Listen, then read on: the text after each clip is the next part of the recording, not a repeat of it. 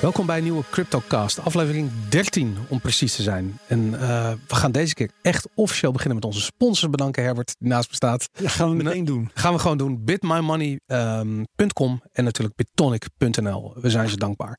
Uh, verder nog even het advies dat we, uh, of eigenlijk de boodschap dat we geen beleggingsadvies geven. Sterker nog, alles wat we doen, dat is strikte willekeur. Behalve natuurlijk als we het hebben over Madelon. Die weet wel waar ze het over heeft. Geen, geen beleggingsadvies. Ook geen beleggingsadvies. Geen beleggingsadvies. Goed, je weet wel wat het over gaat. Goed, waar gaan we het vandaag over hebben? Um, we hebben een bijzondere gast, dat is Hugo Leitens. Hugo, welkom. Goedemorgen, middag. Ja, het is middag inderdaad alweer. Um, Hugo is Chief Architect van Retail Coin. Ik heb het even heel officieel van je LinkedIn gehaald. Uh, maar um, je bent ook echt al jaren uh, bezig uh, met ondernemen in China. En die combinatie van blockchain kennis en ondernemer zijn in China vonden wij zo interessant dat we zoiets hadden van nou, daar gaan we vandaag over praten. Maar misschien even kort, wat, wat is Retail Coin? Nou, met Retailcoin hebben we een blockchain loyalty solution gemaakt waarbij we de uh, consument weer terug naar het winkelcentrum willen gaan brengen. Eigenlijk uh, in het kort een soort Airmiles 2.0, zonder dat we natuurlijk het woord Airmiles willen gebruiken, want dat is het niet. Het is echt een, een loyalty coin wat we hebben gemaakt waarbij winkeliers met elkaar kunnen samenwerken op klantbehoud.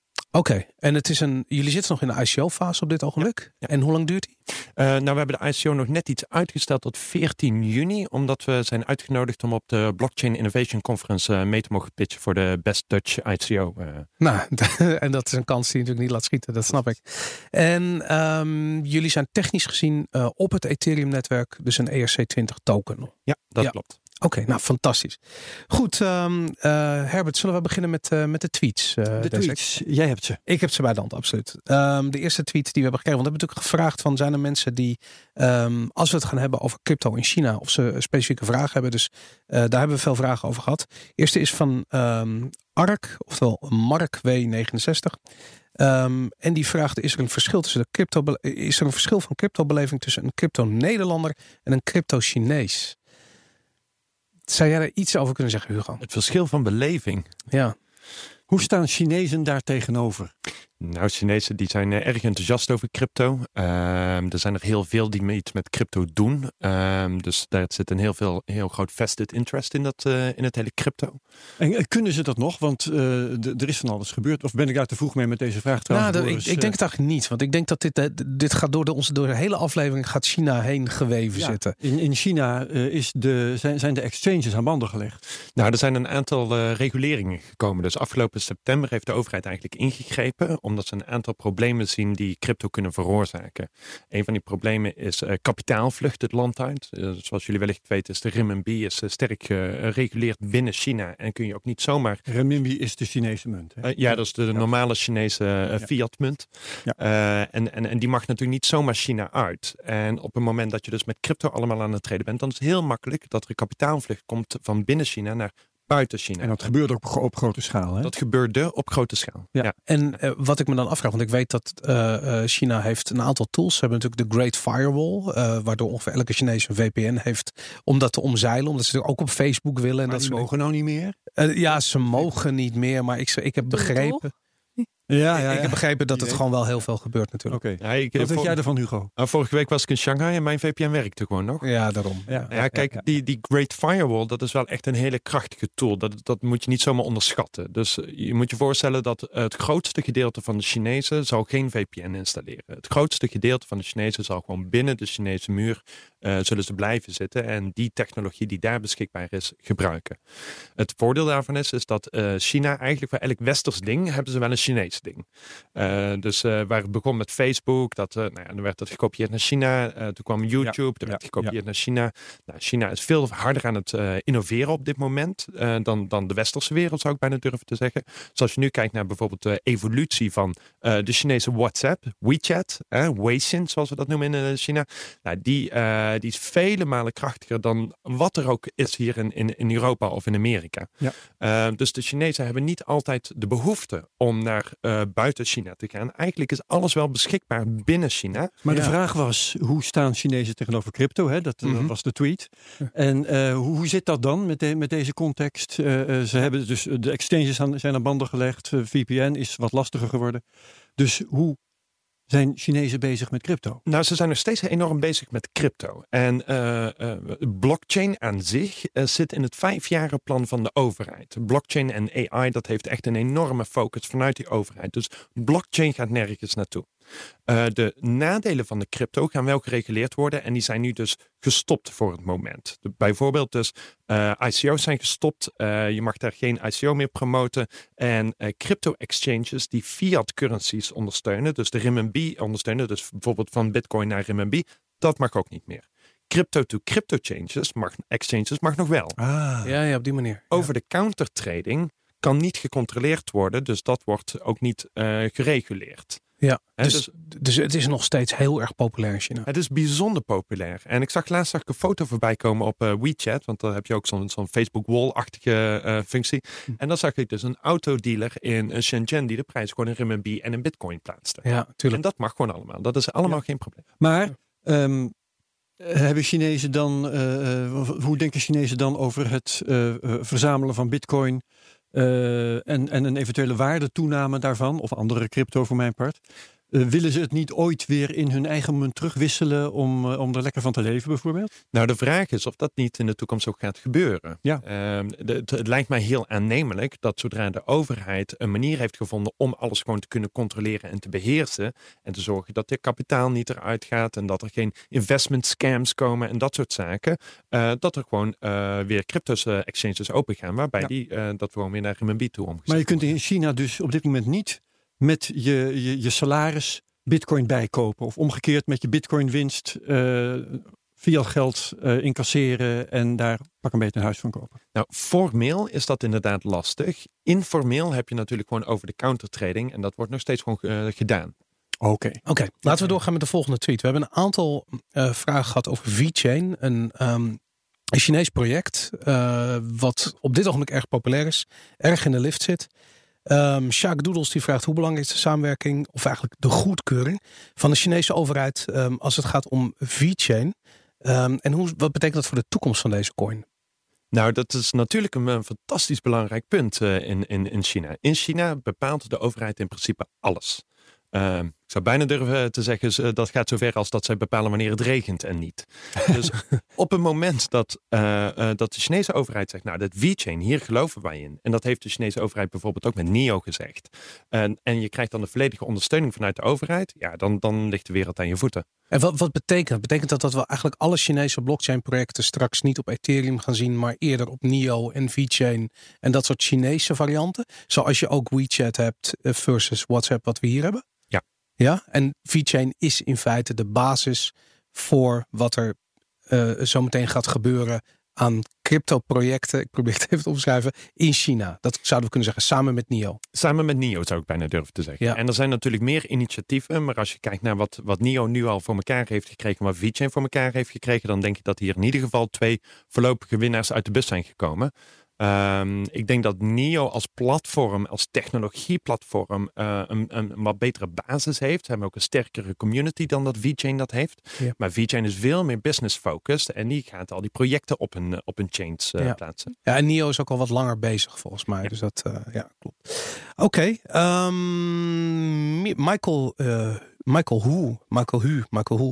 Denken jullie uh, niet dat China achter gaat lopen wat betreft hun regelgeving tegen ICO's en crypto? Het ziet er nou uit dat crypto een blijvertje is. Uh, een blijvertje. Zouden ze niet beter uh, dit kunnen omarmen? of omarmen ze ICO's stiekem al? Ja, de, kijk, de vraag is hoe interpreteer je natuurlijk een ICO? Dus als een ICO een fundraising mechanisme is om een project op te starten, uh, in, ik denk dat daar op aan zich niks mee mis is. Gewoon crowdfunding. Gewoon crowdfunding. Alleen dan in plaats van dat je dat met een lening doet of met de aandelen doet, doe je dat met tokens. En als er mensen zijn die die tokens willen kopen, dan is daar aan zich niets mis mee. Ja. Maar er zijn ontzettend veel investment scams geweest. En dat heeft ervoor gezorgd dat de Chinese overheid gewoon niet onder controle heeft. Nou, die controle die is uh, die, absoluut. Die moet er zijn en anders kan iets niet gaan gebeuren.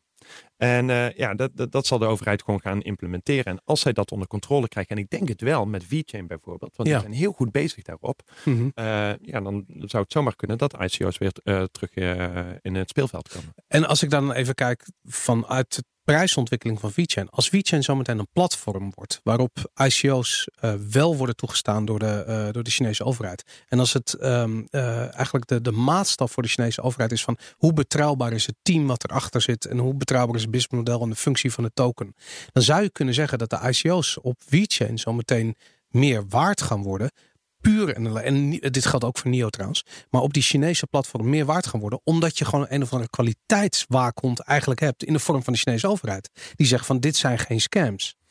Nou, hoe dat in de praktijk uh, tevoorschijn gaat komen, dat weet ik uh, uh, niet. Dat hm. zullen we zien. Als je gaat kijken naar andere zaken die ook gereguleerd zijn door die overheid, bijvoorbeeld video.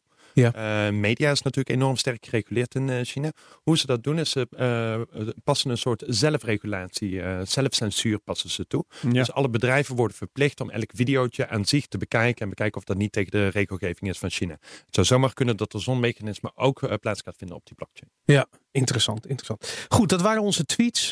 heb je ook een vraag? Stuur hem naar CryptoCastNL. Daar zijn we terug te vinden.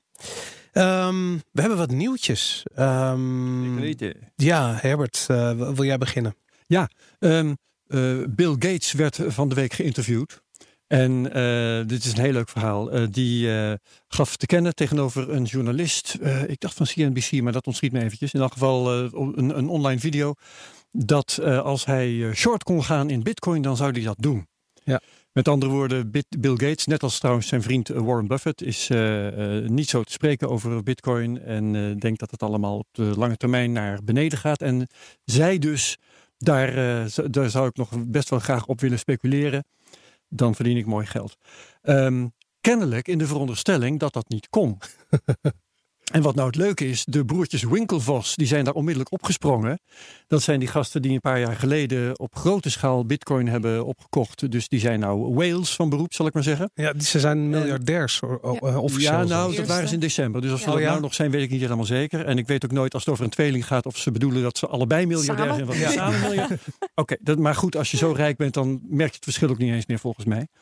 Maar die uh, bemoeiden zich er onmiddellijk mee. En die, die uh, zeiden online van nou Bill Gates, dat kan hoor. Want er is al lang de mogelijkheid van de Bitcoin futures.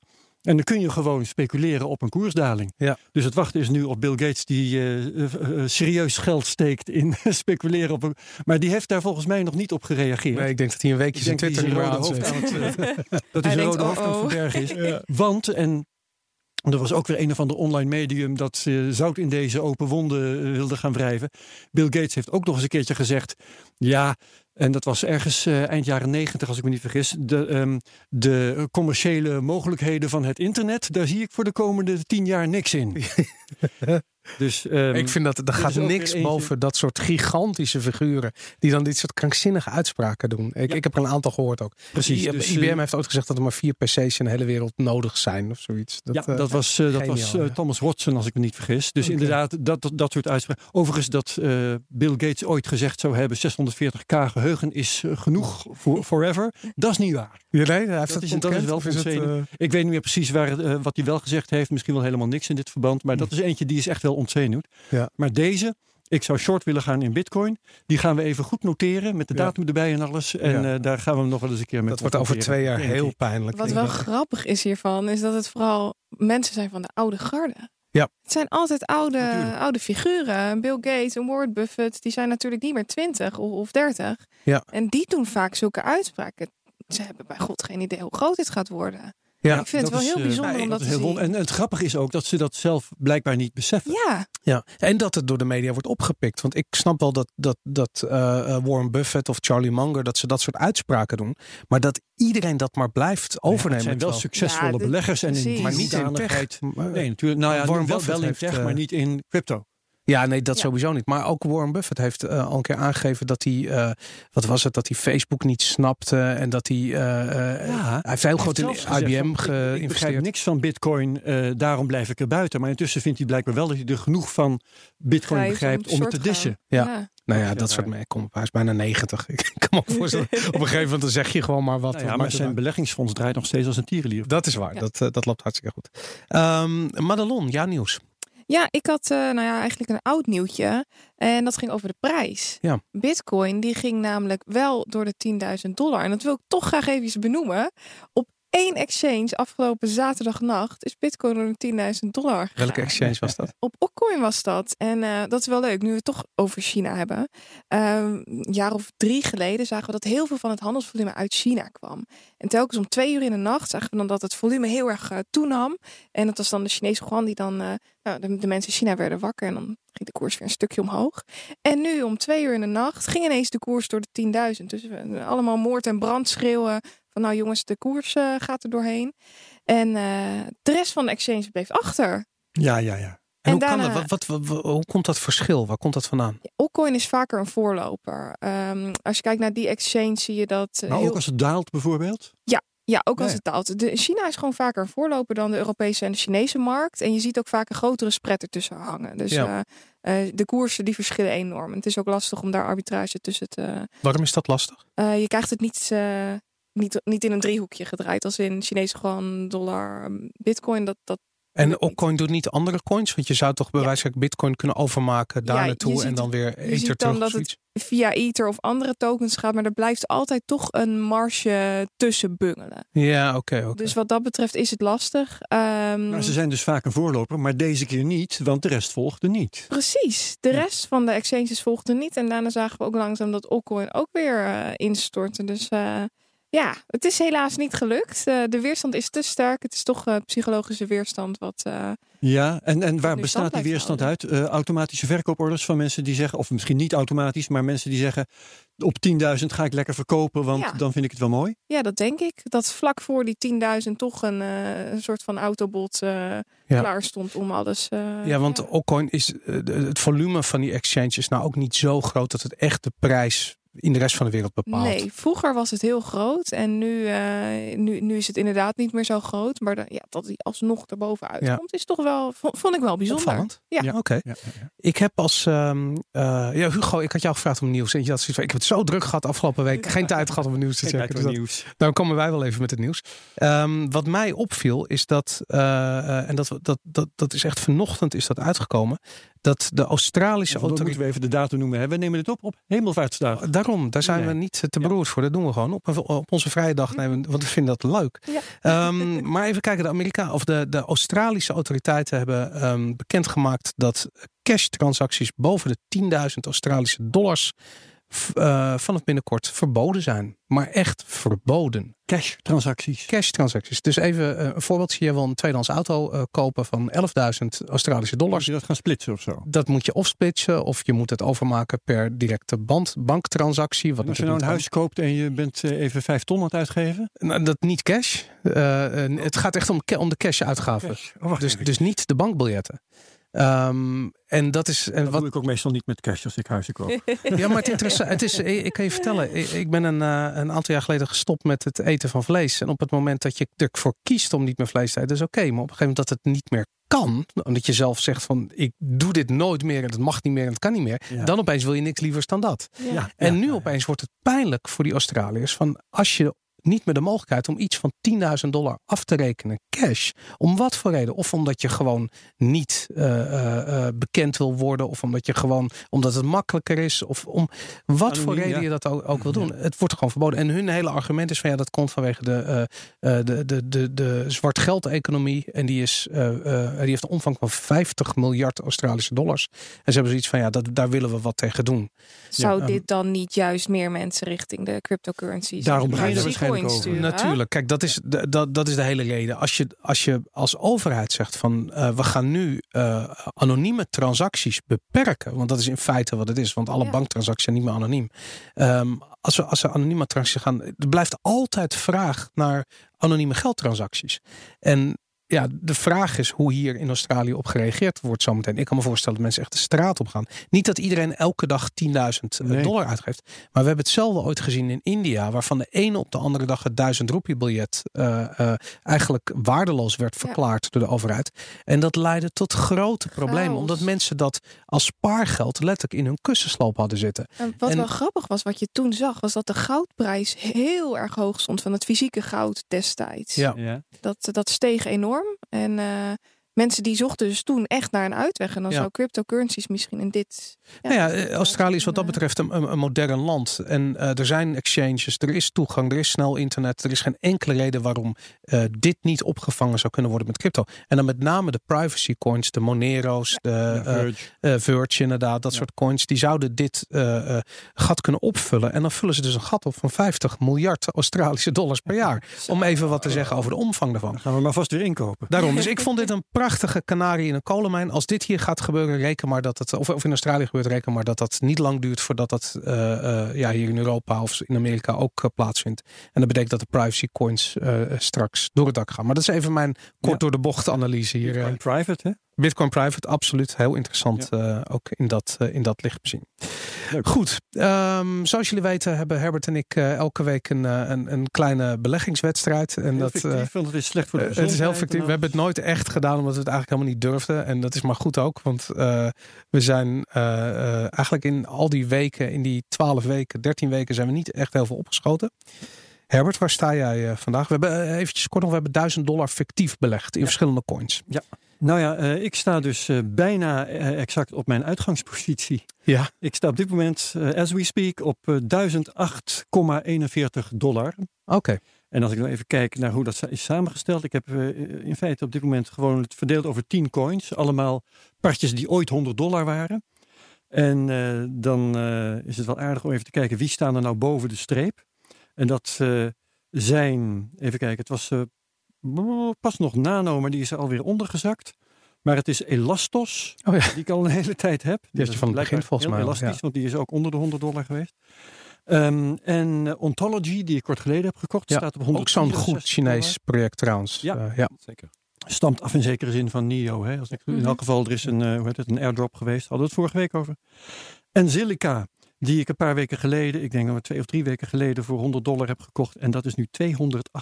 Het was eerder vandaag zelfs boven de 250. Ja. En dat illustreert zo mooi hoe dat met crypto gaat. Hè. Er wordt wel eens gezegd, ja, volatiel en je kunt al je geld kwijtraken. Ja, wat je hieraan ziet, is je kunt je kunt eigenlijk maar 100% van je geld kwijtraken. Ja, precies. Ja. Wat is het probleem? Ja. Maar je kunt veel meer dan 100% is, winnen. Uh, ja. En als ik nou even kijk voor de grap naar de slechtste die ik heb, dat is Walton Chain.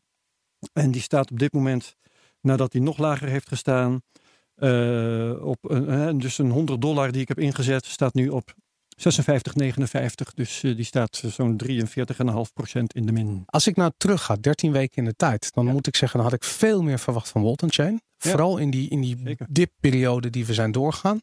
Um, en Silica, die had ik tot uh, dat we hier. hier niet staan. Die had ik niet staan totdat Robert hier een keer in de uitzending was en daarover uh, over vertelde. Maar uh, mijn god, wat hebben we daar een run gezien. En uh, ik heb zelfs gisteravond daar uh, Madelon nog over geappt van dit kan toch niet zo doorgaan, letterlijk.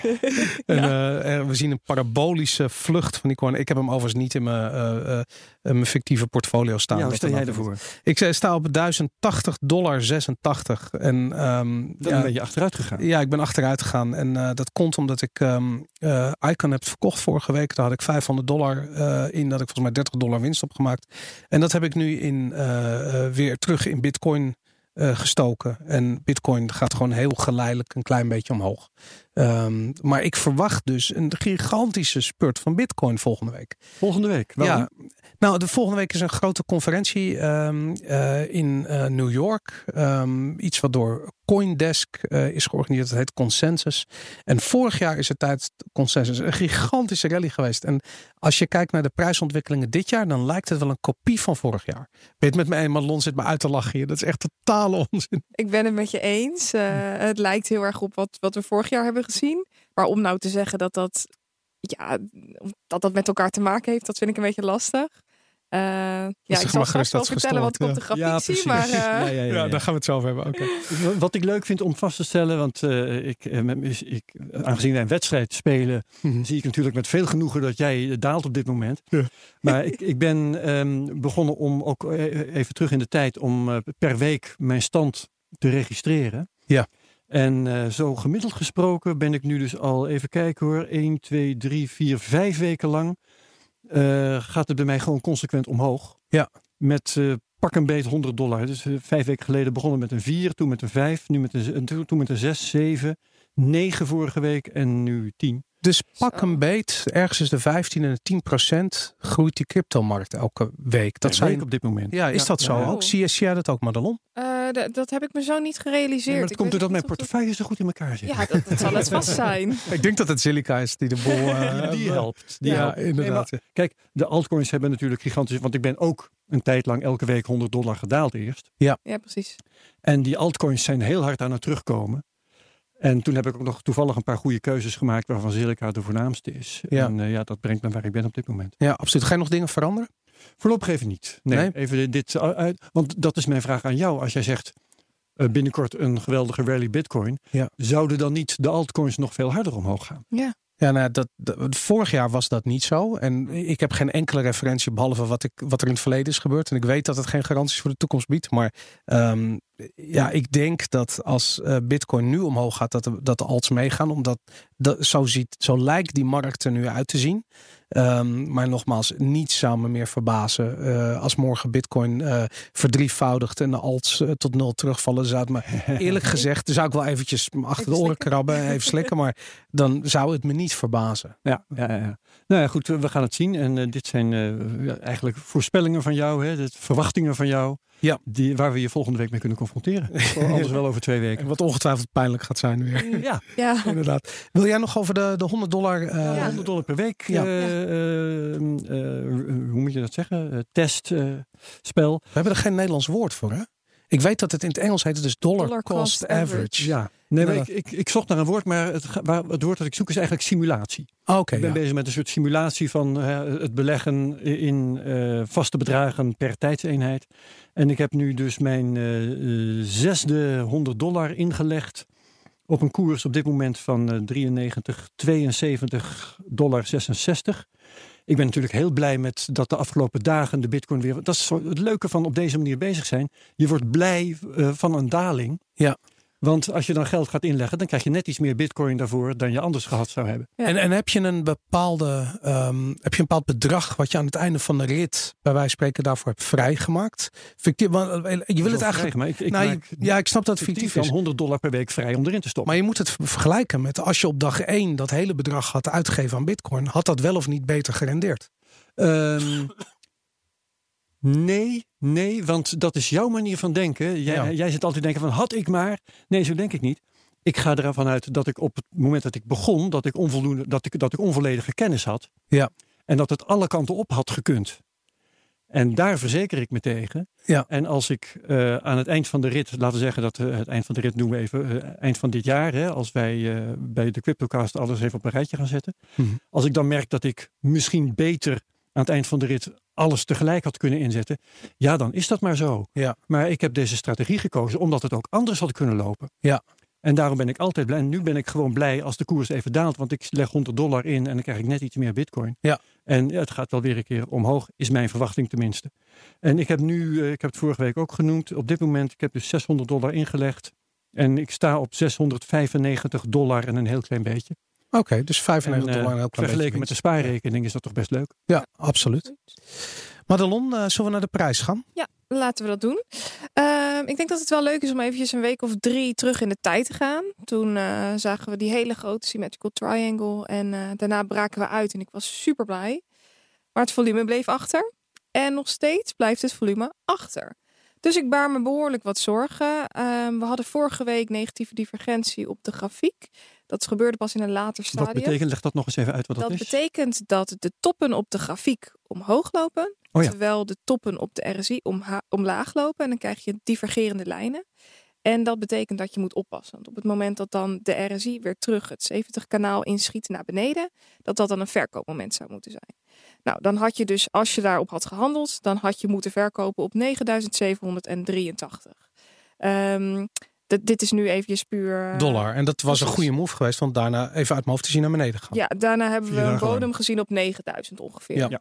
En nu uh, is dat de steunlijn, die loopt ietsje op rond de 9000. En uh, we zijn nu behoorlijk aan het schommelen. Er gebeurt, ja... Mm, er gebeurt niet heel veel. En er, uh, op de lange termijn zien we dat er weer opnieuw een hele grote symmetrical triangle uit de vorige symmetrical triangle komt.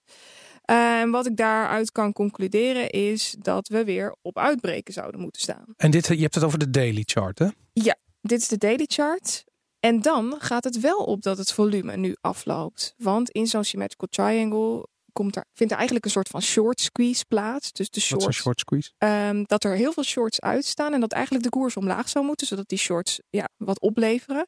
Maar als er dan een positieve uitbraak plaatsvindt, gaan al die shorts allemaal daaruit gekikt uh, Dan, dan moet iedereen, mensen verliezen massaal iedereen geld. het omzetten naar dan een moet iedereen kopen en gaat de koers dus juist omhoog. Precies. Wat wij een keer, wat is het, twee, drie weken Tijdens geleden de tijdens de opname hadden. Precies, dat hadden we toen inderdaad.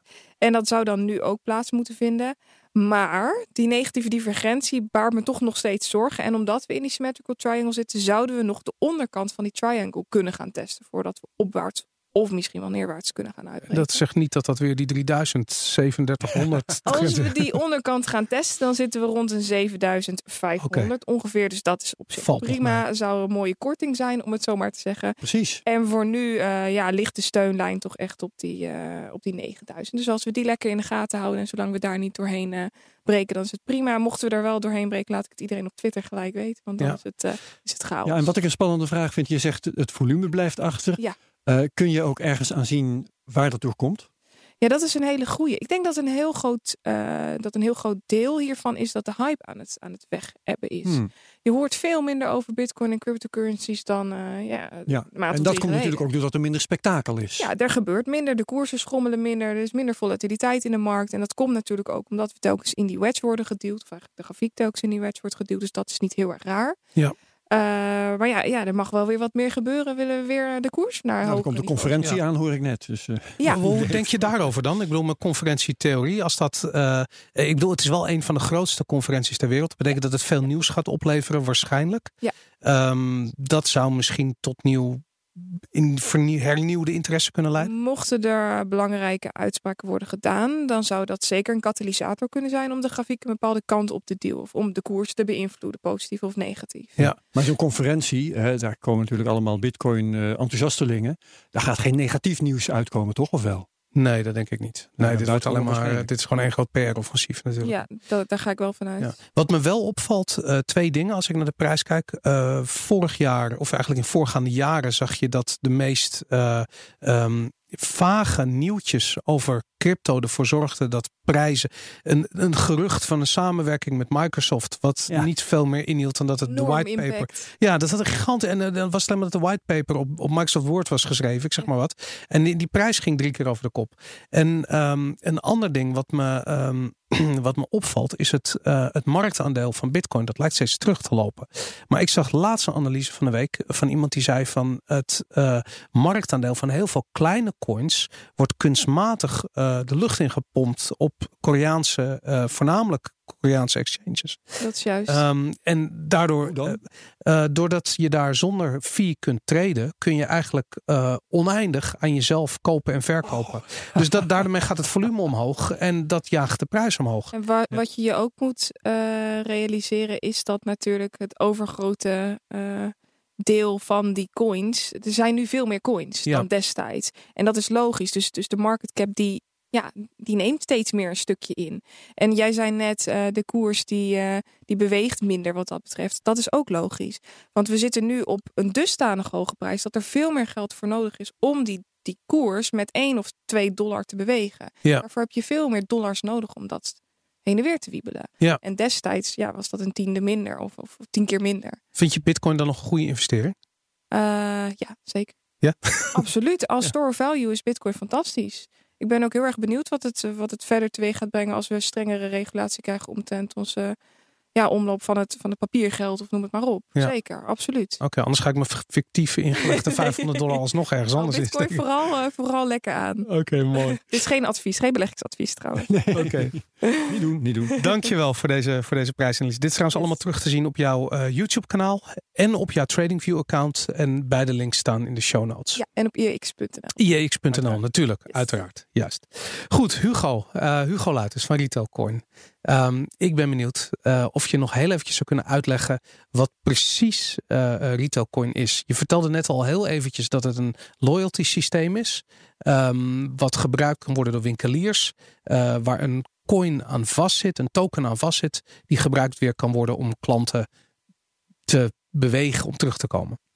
Digitaal zegeltjes sparen. Digitaal zegeltjes sparen. Nou, dat, de, de basis is eigenlijk begonnen. Wij zijn, uh, ik ben een, nou, anderhalf jaar geleden ongeveer een start-up begonnen om winkels te helpen om beter klantcontact te gaan krijgen. En ik zag dat een heleboel winkels eigenlijk achterliepen bij digitale transformatie. Ja, en toen ben ik eigenlijk gewoon een product gaan maken om het papieren spaarkaartje de wereld uit te gaan helpen. Nou, dat liep eigenlijk hartstikke goed.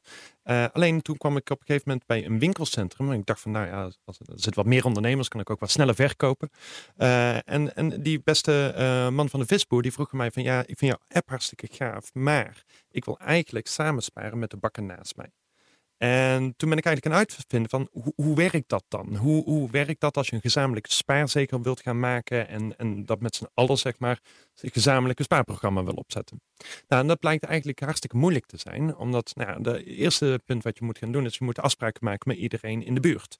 Nou ja, het probleem alleen is in een winkelcentrum, Pietje wil niet met Sjaakje en, en Truusje, die, uh, die vindt Henk vandaag niet zo heel erg leuk, dus dan komen al die afspraken niet tot, uh, tot stand. En dat is uh, de eerste punt waar we dachten van nou, blockchain is hier uitermate voor geschikt om over meerdere lagen heen afspraken vast te kunnen gaan leggen en te zorgen dat mensen asynchroon van elkaar kunnen bepalen met wie zij willen gaan samenwerken. Goed vastleggen wie, wie je niet leuk vindt.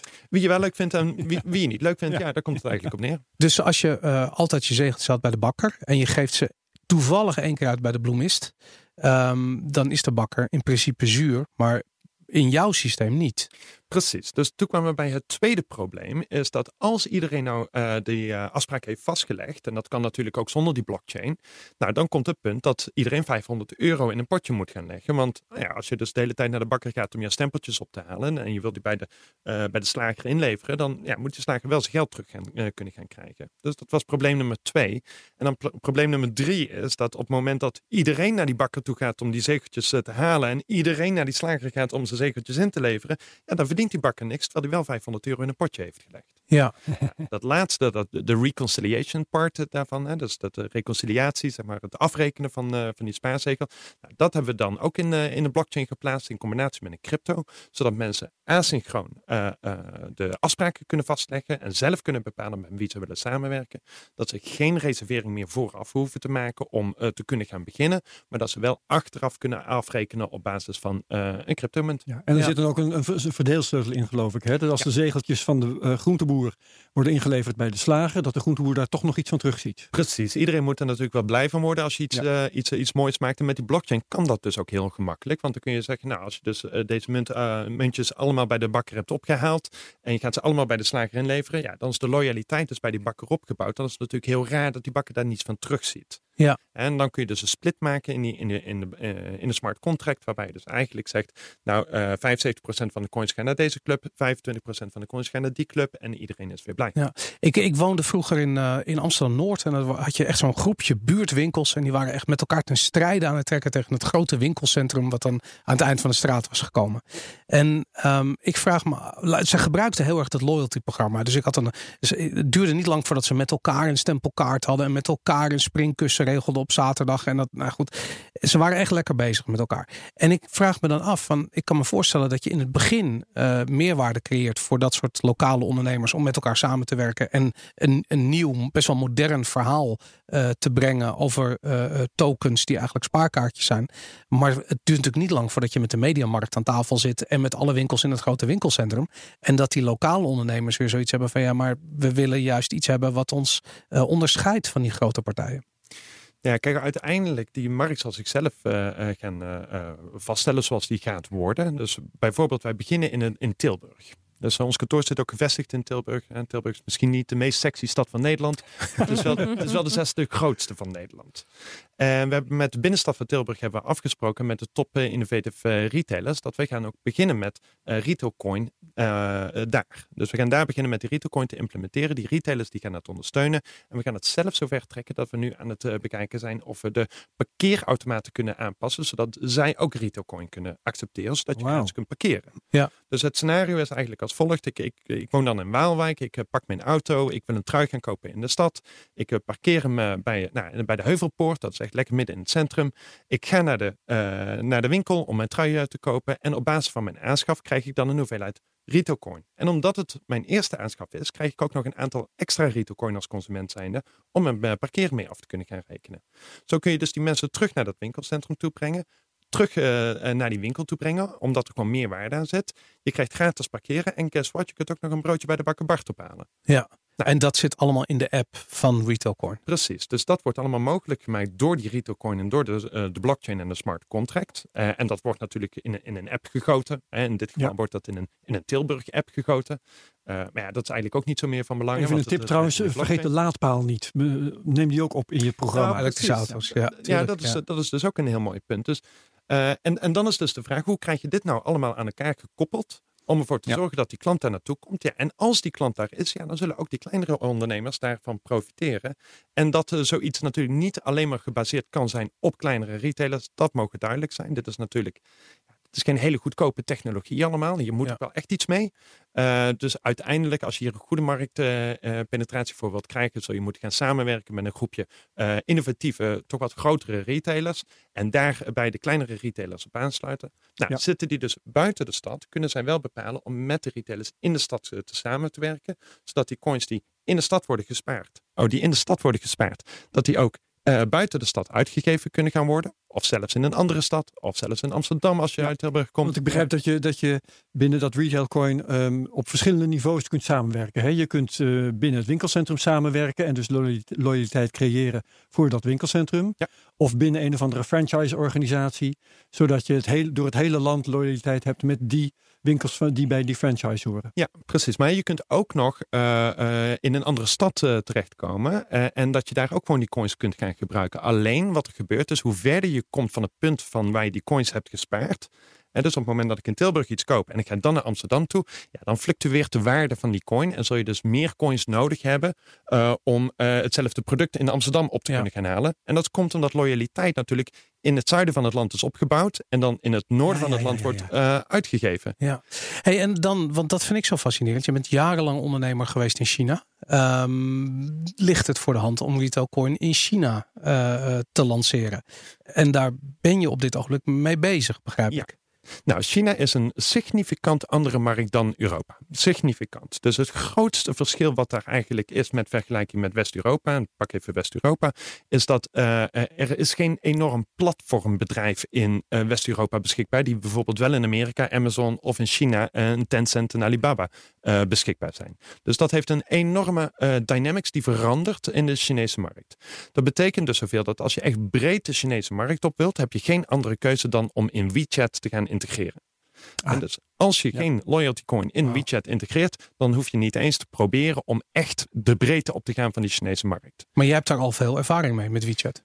Uh, ik heb al wel veel ervaring met WeChat. Dat betekent nog niet dat mijn coin misschien uh, uh, direct geschikt is om in China te implementeren. Want laten we wel zijn, de Chinezen die zijn natuurlijk ook gewoon hard bezig. Ja. ja. En die kunnen dat zelf ook. En, en, je, zegt daarmee in feite, je zegt daarmee in feite dat je retail coin niet hebt ontworpen met China in gedachten. Ik heb hem niet specifiek ontworpen met China in gedachten. Ik heb hem specifiek ontworpen met Europa in gedachten. Maar ja. wat blijkt nou? Er zijn ook een heleboel Europese en, en westerse bedrijven die naar China zijn gegaan. En daar ook nog eens een keer heel erg groot zijn geworden. Geef eens wat voorbeelden. Uh, nou, er is een uh, Pink Diamonds boutique. Dat is een, uh, ja, een kennis van mij. Die heeft een, een diamanthandel. Dat zit voornamelijk in China, maar dat zit eigenlijk in heel Oost-Azië. heeft hij daar zijn luxury partnernetwerk. Ja, en daar kwam ik mee in aanraking. Ik zei van, joh, is dit niet hartstikke leuk voor je? Want dan kun je dus mensen in je netwerk ook in je netwerk houden. Ja. Dus uh, denk dat je. koop mijn diamanten altijd. ja. Kun je nagaan hoe lang je gratis kan parkeren als je een paar diamanten koopt. Precies. En de postleverancier. ja, maar, dat, maar dat werkt heel raar. Maar die, die, die, de rijken, de rijken, ja, die, die zitten dus in zo'n kringetje. En die willen eigenlijk Brilliant. dat kringetje ook gewoon niet uit. Ja, snap nou, dus dat is één. Daarnaast zijn we bezig met een Franse club die enorme presence heeft in, uh, in, in China. Uh, het is een ID Group, dat is een, een, een, een kledingzaak, merk, merk retail zijn ze eigenlijk. Hè? Dus, dus grote brand en met verschillende subbrands en heel veel outlets. Uh, en die hebben geloof ik honderden outlets nu in Zuidoost-Azië uitgerold. Maar ook hier in Europa zijn ze heel erg groot. Nou, die waren op zoek naar een loyalty programma. En daar heb ik dus ook een retail coin naartoe gepitcht. En daar past het weer wel goed bij. Uh, want dat is niet alleen China. Ja. Dus op het moment dat je uh, country overstijgend bent, dus land overstijgend bent vanuit China, maar dan wel nog naar de rest van Azië, of in Europa, ja, daar hebben ze allemaal geen WeChat. Ja, hey, even een technische vraag. Want ehm, eh, jullie zitten in de ICO-fase. Dat lijkt me iets wat problematisch in China. Dat heb je zelf net al aangegeven. ICO's zijn gewoon verboden daar op dit ogenblik. Ja, dat klopt. Daarnaast maken jullie gebruik van een ERC20 e token op basis van het Ethereum-netwerk. Ehm, terwijl juist, hadden we ook net al besproken, VeChain of zelfs beter nog NIO prachtige platforms zijn die samenwerken met de Chinese overheid. Um, sta je niet op het punt om over te schakelen naar een, een, een coin die gebaseerd is op, op een van die twee platformen? Nou, dat is een goede vraag. En uh, die, die vraag heb ik mezelf ook afgesteld. Ik, uh, ik ben, vorige week ben ik naar, of twee weken geleden, ben ik naar Shanghai toe geweest. Maar de, de trip die ik daarvoor had, misschien twee maanden geleden, ben ik ook naar NIO toe gegaan. Dus ik, ik, ik, ik ken de, de senior R&D-man van, van NIO. Dus, Waar zitten zij trouwens? Shanghai. Oké. En uh, dus ik, ik ben naar hem toe gegaan en ik heb eigenlijk uitgelegd van, joh luister, hier zijn we mee bezig. Uh, die jongen die komt ook uit, uit Denemarken. Oh, wow. Um, en die is daar de chief uh, R&D samen met een aantal Chinezen die, dat, die de CEO en de andere rollen oppakken. En die um, Malcolm, die had me dus aan de, aan de tafel gezet bij de, bij de Chinese founder. En daar hebben we het hele verhaal eigenlijk verteld. En NIO heeft wel degelijk technische voordelen bovenop Ethereum. Dus Ethereum heeft een aantal hele grote nadelen. Het, het grootste nadeel, vind ik, is uh, Solidity. Uh, de, programmeertaal. programmeertaal. De programmeertaal. Ja, ik wist dat dat zou komen. Ja, ja dat is gewoon een, een draak van een programmeertaal. Uh, eigenlijk waar je continu mee bezig bent, is om de beperkingen heen te werken. Uh, NIO heeft dat probleem helemaal niet. Het is meer JavaScript-achtig, toch, wat NIO gebruikt? NIO gebruikt een aantal talen, dus je mag kiezen. Daar kun je ook wel met C-Sharp tegenaan programmeren. En, okay. en nou, daar hebben ze een aantal programmeertalen die je kunt gebruiken. Dus wat je, wat je wil, dan mag je gebruiken. Plus, ze hebben een enorme community. Ja. dus als je op de, op de community inlogt en je stelt een vraag, ja, die zitten te springen om je vragen te beantwoorden. Dus dat is echt heel. Dat is heel waardevol. Dat is heel waardevol. Uh, in Ethereum is dat natuurlijk wat minder.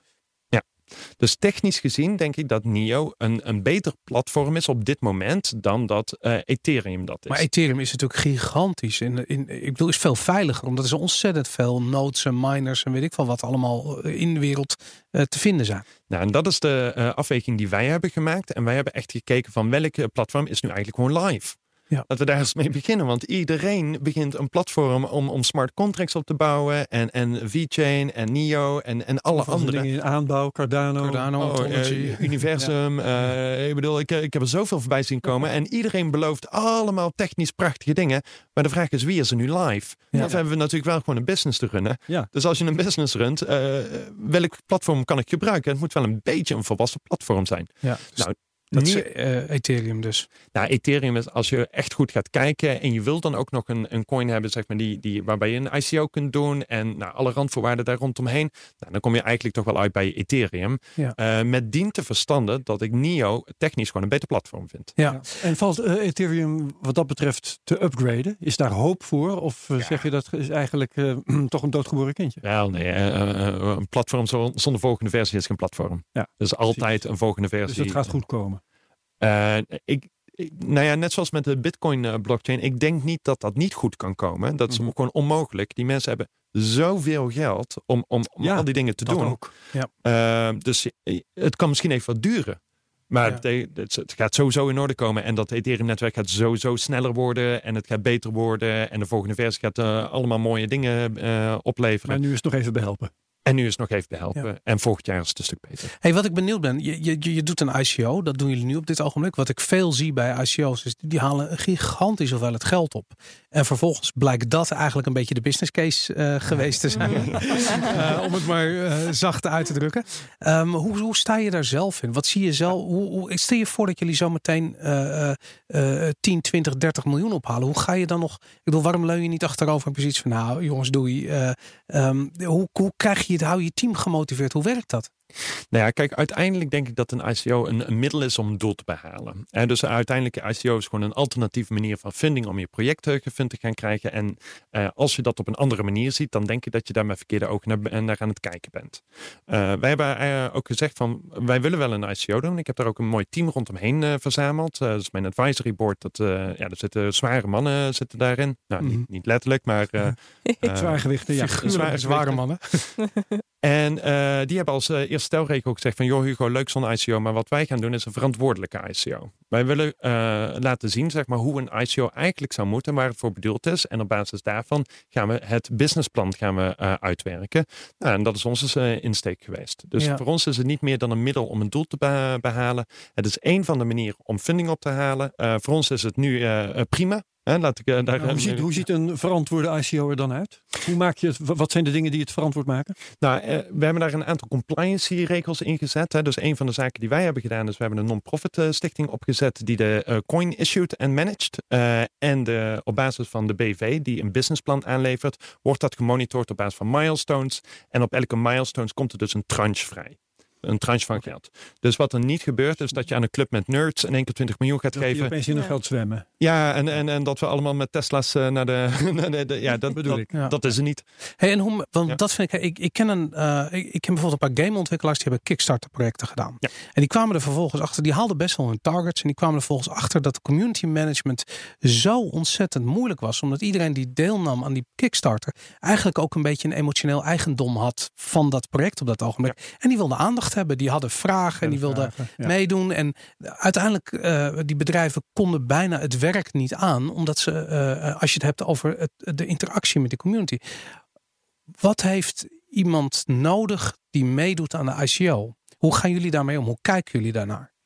Nou, wij zien ze gewoon als een investeerder. Hè? Dus uiteindelijk ben je een ICO. Uh, wat je doet, is je koopt coins. Dus feitelijk is het natuurlijk gewoon een verkoop van coins. het gaat ook wel om iets andere bedragen dan bij Kickstarter. Hè? Ja, ja. Zeker. Kickstarter is tientjeswerk. En dan heb je dat al. Uh, ik kan me voorstellen mensen uh, rustig 500 tot 1000 euro investeren in een ICO. Ik denk dat het gemiddelde bij ons ergens op 3.500 euro ligt. Ja, ongelooflijk. Per persoon. Waarbij er dan ook mensen zijn die 50 euro doen.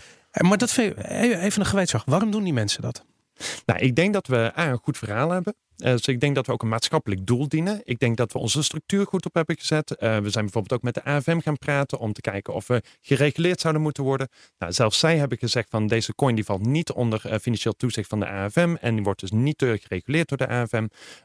de DNB heeft hetzelfde gezegd. Dit is geen betaalmunt, dit is een spaarmunt. Dus ik denk dat alle componenten die wij hebben, dat dat goed in elkaar zit. Dus als je gaat kijken naar het potentieel van een project, dan denk ik dat we goede ogen scoren. Maar denk, je niet dat de mensen die meedoen aan ICO gewoon meer geld, meer rendement willen maken op die uh, euro's die ze investeren uiteindelijk? En dat de, je, verhaal is, ik bedoel, hoe beter het project, des te meer is de, ja, de, de ingeschatte waarde voor de toekomst, de speculatieve waarde voor de toekomst. Maar dat betekent wel dat je in plaats van het ontwikkelen van retail coin aan de slag moet met ondersteuning zoeken bij exchanges, uh, zorgen dat je in allerlei landen aan marketing en PR doet voor je coin in plaats van voor het project alleen maar. Uh, hoe, hoe, hoe, hoe, vlieg je dat aan? Nou, wij, wij zitten eigenlijk naar uh, twee dingen te kijken uh, qua market cap. Hè. Dus wij kijken naar een reële economische market cap en een, nou ja, de, de speculatieve market cap. Nou, die speculatieve die laten wij gewoon los.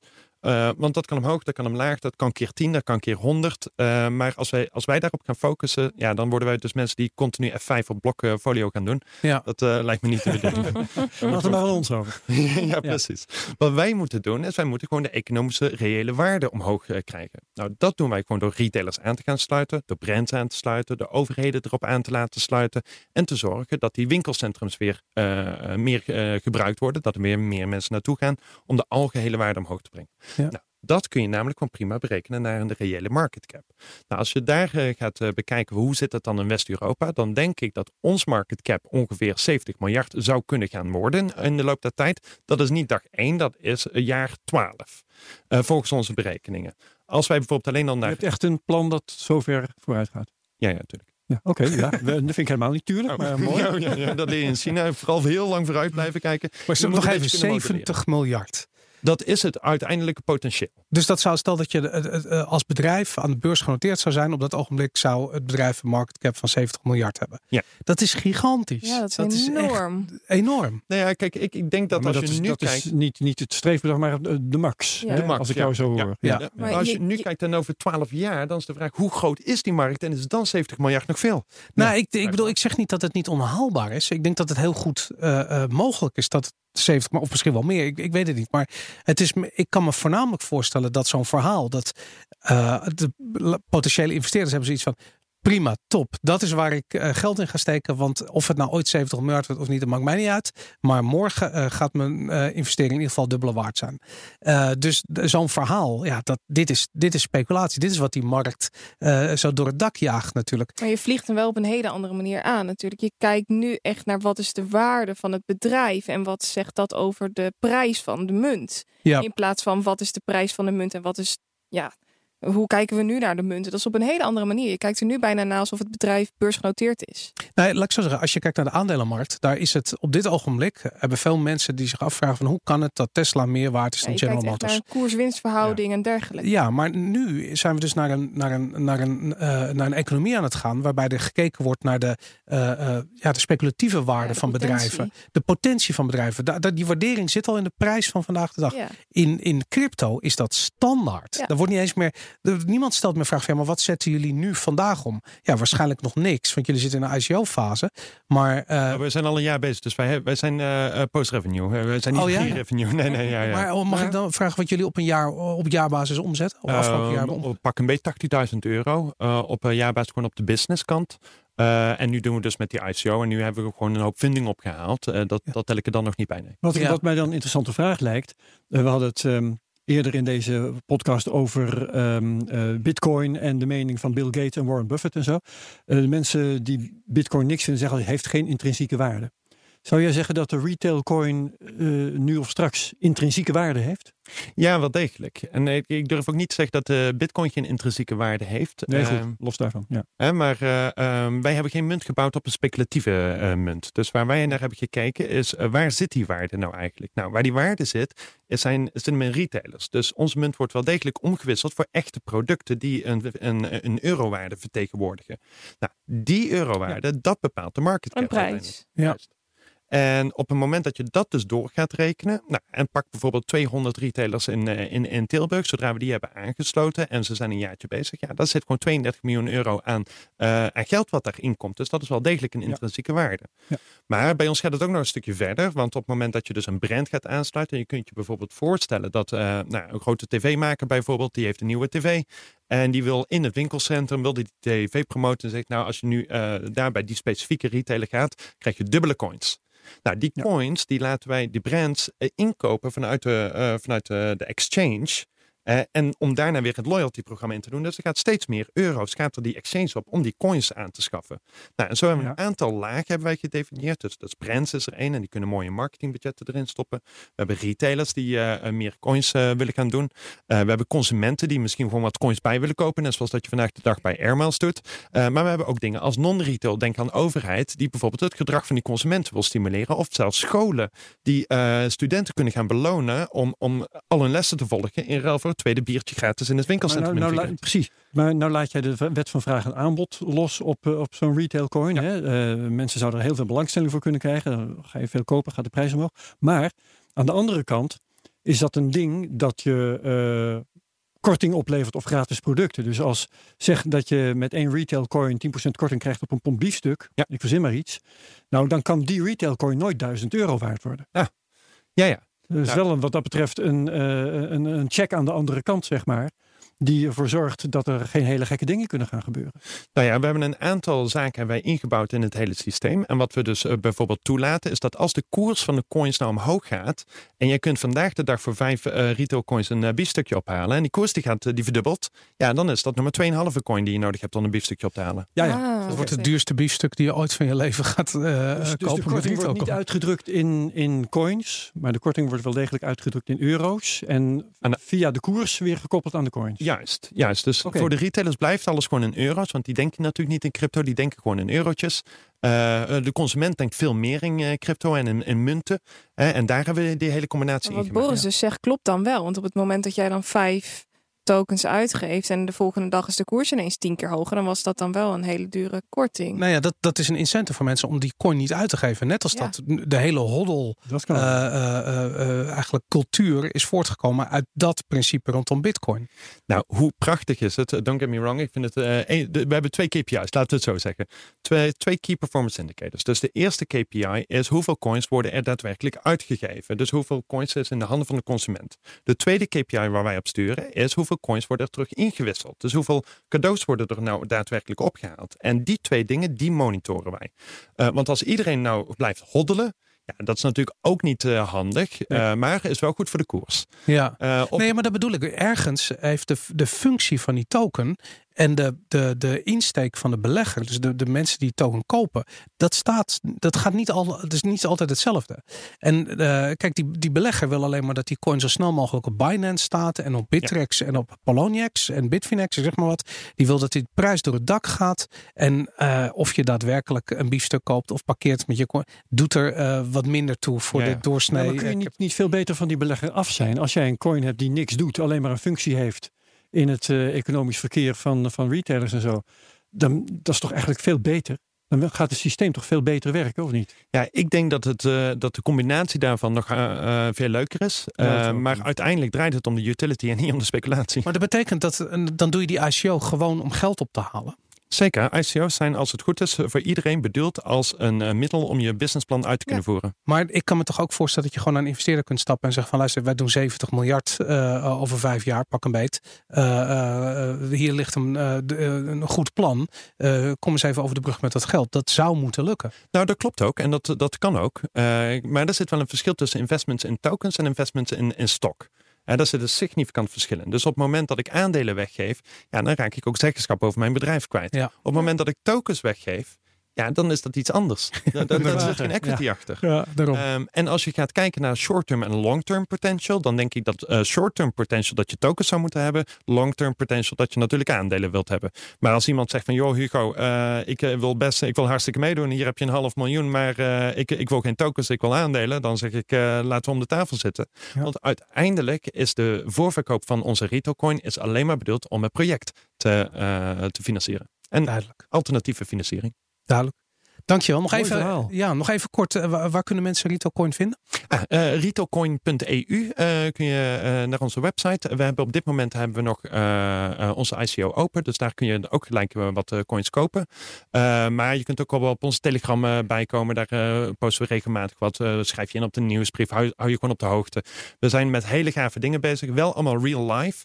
We zijn een stelletje nerds. Dus we zijn misschien niet de beste in de marketing. Um, nou, dat, dat is alleen maar goed volgens mij ik denk dat we met leuke dingen bezig zijn. Ik denk dat we met real-life applicatie bezig zijn. En ik, uh, nou, ik kijk uit naar de dag die binnenkort hopelijk gaat komen. Dat we de eerste parkeerautomaat kunnen gaan uh, gebruiken om met Retailcoin af te rekenen. En de laadpaal. Fantastisch. Nou, dankjewel. Uh, links zijn terug te vinden in de show notes. En um, ik wil Herbert en Madelon en Hugo bedanken voor, ja, voor jullie aanwezigheid hier. En volgende week zijn, zijn we er weer. En natuurlijk check ons op Twitter, CryptoCastNL.